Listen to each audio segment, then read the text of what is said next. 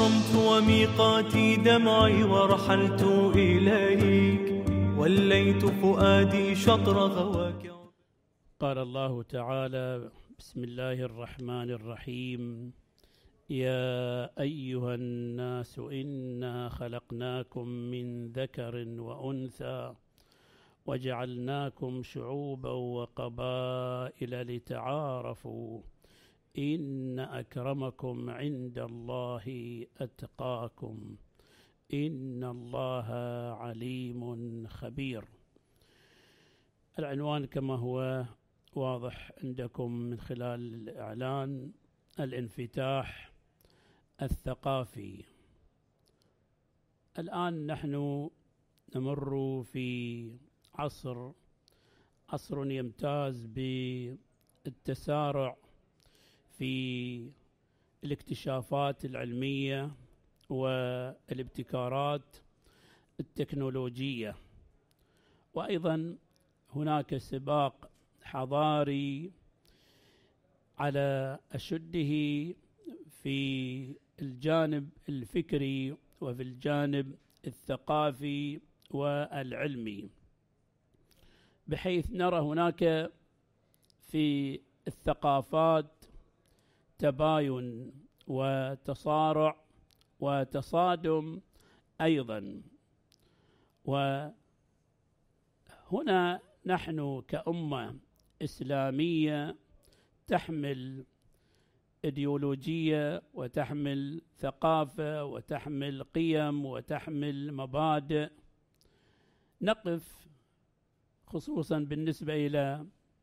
النخب وإلى المثقفين والى الشباب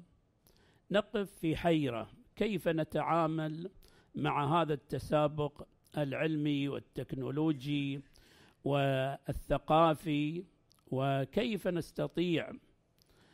ان نجمع بين هذه المتباينات في الثقافات حيث اننا نواجه صراع حضاري كبير جدا وصراع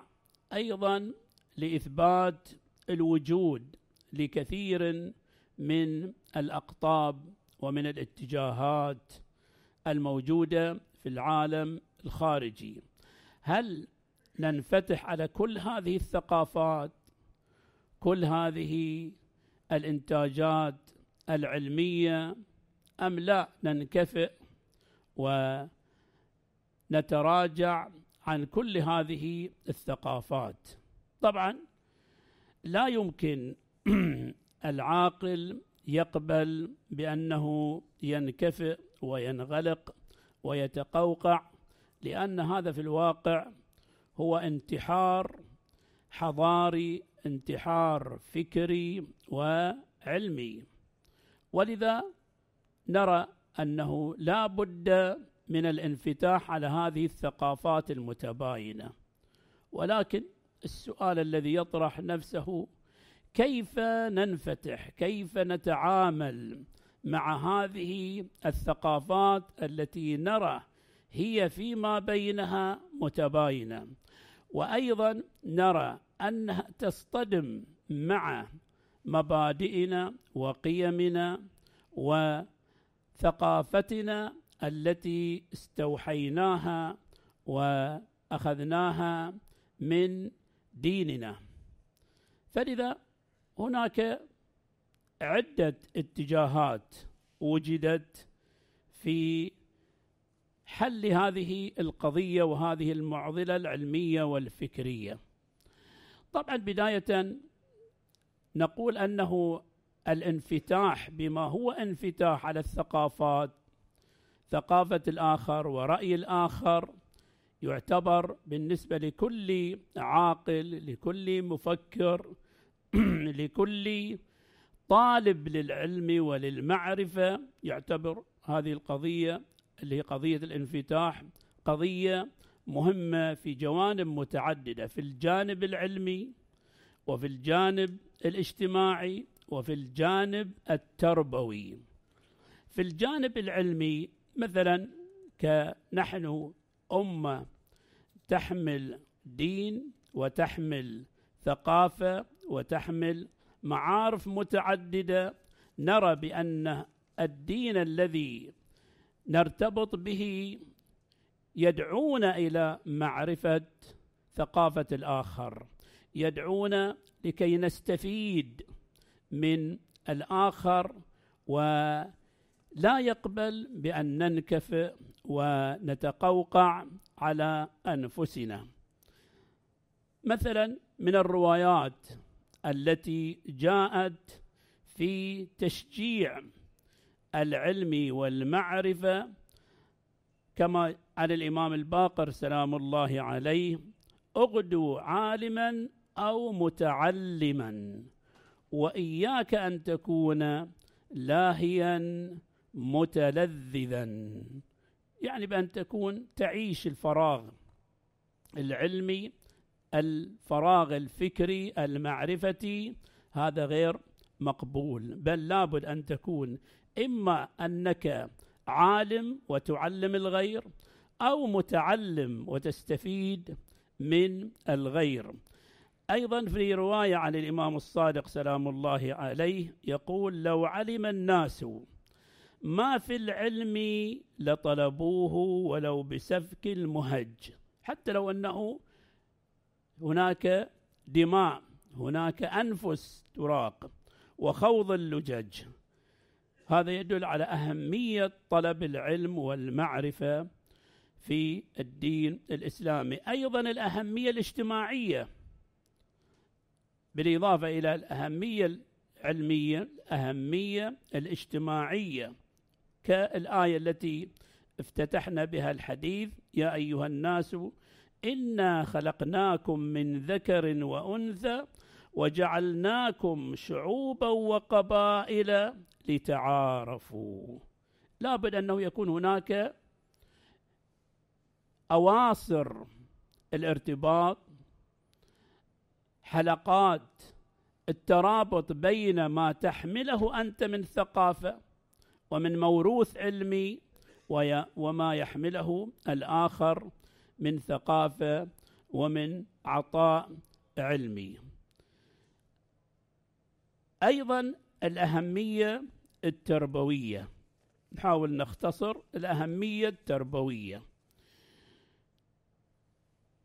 الأهمية التربوية أيضا القرآن يبين لنا بأنه لا بد أن نسعى ونستفيد من عطاء الآخر وثقافة الآخر ليش؟ لأنه الدين كما نعلم بأنه جاء من أجل الإنسان من أجل كمال الإنسان من أجل صلاح الإنسان من أجل سعادته وهذا الصلاح وهذا الكمال وهذه السعادة لا يمكن أن يحصل عليها الإنسان إلا من خلال العلم والمعرفة من خلال العطاء الذي يغدقه العلماء على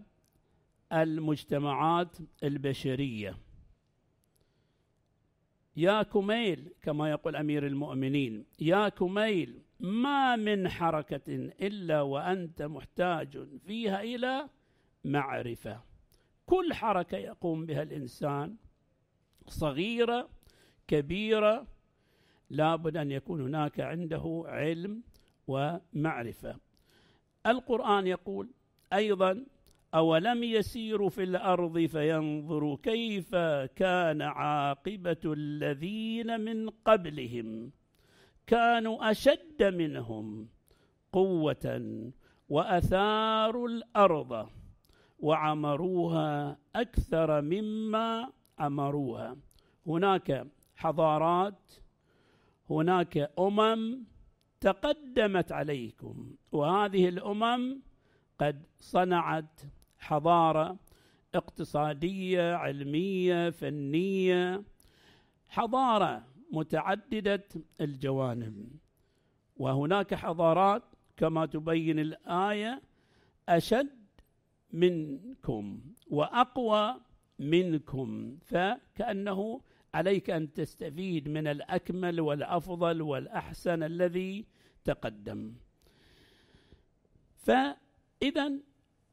النتيجة التي نخرج منها من خلال الرؤية الدينية بأن الدين يدعونا إلى الانفتاح والاستفادة من العطاء المعرفة للآخر عندما ناتي الى الاراء التي طرحت من قبل المفكرين من قبل العلماء حول هذا الانفتاح هناك عده اتجاهات بعضهم يقول الانغلاق المطلق يعني لا تلتفت الى عطاء الاخر خصوصا إذا كان ذلك يختلف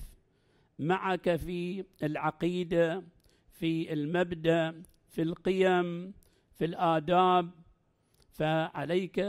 أن تبتعد عنه وتنغلق انغلاقا مطلقا هذا رأي الرأي الآخر يقول الانفتاح المطلق يعني عليك أن تأخذ ما ينتجه الآخر بشكل مطلق لا تقوم بإفرازات ولا تقوم بتميز ولا تقوم بانتقاء لا عليك أن تأخذ ما يعطيه الآخر وما ينتجه الآخر بشكل مطلق وهناك رأي آخر لا أن يكون هناك انفتاح على ثقافة الآخر إنتاج الأمم إنتاج الحضارات الأخرى ولكن يكون الانفتاح انفتاح واعي لا إفراط ولا تفريط بل أن يكون الإنسان في الاتجاه الوسطي أن يكون واعيا وعارفا بشكل دقيق بشكل أنه ينتقي ما هو المفيد له فيأخذه وما هو الضار له فيبتعد عنه ويرفضه هذا هذه الآراء التي طرحت طبعا لا يمكن أن نقول بالرأي الأول ولا بالرأي الثاني وإنما الرأي الثالث هو الرأي الصحيح والسليم لأنه الدين يرفض الانغلاق المطلق ويرفض الانفتاح المطلق بل وجعلناكم أمة وسطا لتكونوا شهداء على الناس ويكون الرسول عليكم شهيدا فعليكم أن تعيشوا في الحالة الوسطية التي يقول بها العقل هذا شيء الشيء الآخر نأتي إلى ضوابط هذا الانفتاح إذا قلنا بأن الآن انتهينا إلى نتيجة أن الدين يقول بالانفتاح وأننا لابد أن ننفتح ولكن بشكل واعي وبشكل انتقائي ما هي هذه الضوابط التي نجعلها للانفتاح على ثقافة الآخر على مثلا الآن العطاء في الغرب مثلا العطاء العلمي العطاء الفكري العطاء أيضا هناك الآن أبحاث ترتبط بالجانب العقدي كيف نستفيد منه كيف نأخذ منه هناك ضوابط متعددة ذكرها البعض منها أنه بما أنك أنت ترتبط بعقيدة بدين فعليك أن تكون أولا عالما عارفا بتلك العقيدة بتلك الشريعة وما تحمل من ثقافات هناك منظومات متعددة في الشريعة الإسلامية هناك المنظومة العقائدية هناك المنظومة الأخلاقية التربوية هناك المنظومة الاقتصادية المنظومة الإدارية عليك أن تكون عارفا عالما بهذه المنظومات لماذا؟ لكي تشكل لك حصانة ووقاية لئلا يحصل هناك انزلاق في الفكر وفي الذهن نحو ما يقول به الآخر أيضا أن يكون آه، الانفتاح مع الاحتفاظ بالهوية الهوية يعني شنو هي؟ هي حقيقة الشيء الهوية هي الشخصية المطلقة المتمثلة بالصفات الجوهرية الموجودة عند الإنسان بما ينتمي ويرتبط ويتعلق به كالإنسان المسلم عنده أمور وصفات جوهرية مثلا أنه ارتباطه بالعقيدة كعقيدة التوحيد قضية الرسالة قضية المعاد أيضا يرتبط بالأمور الاجتماعية العلاقات الاجتماعية هناك منظومة اجتماعية موجودة عندنا في الدين في علاقة الإنسان بالله سبحانه وتعالى علاقة الإنسان بالإنسان علاقة الإنسان ب أو آه، علاقة الإنسان بنفسه وبذاته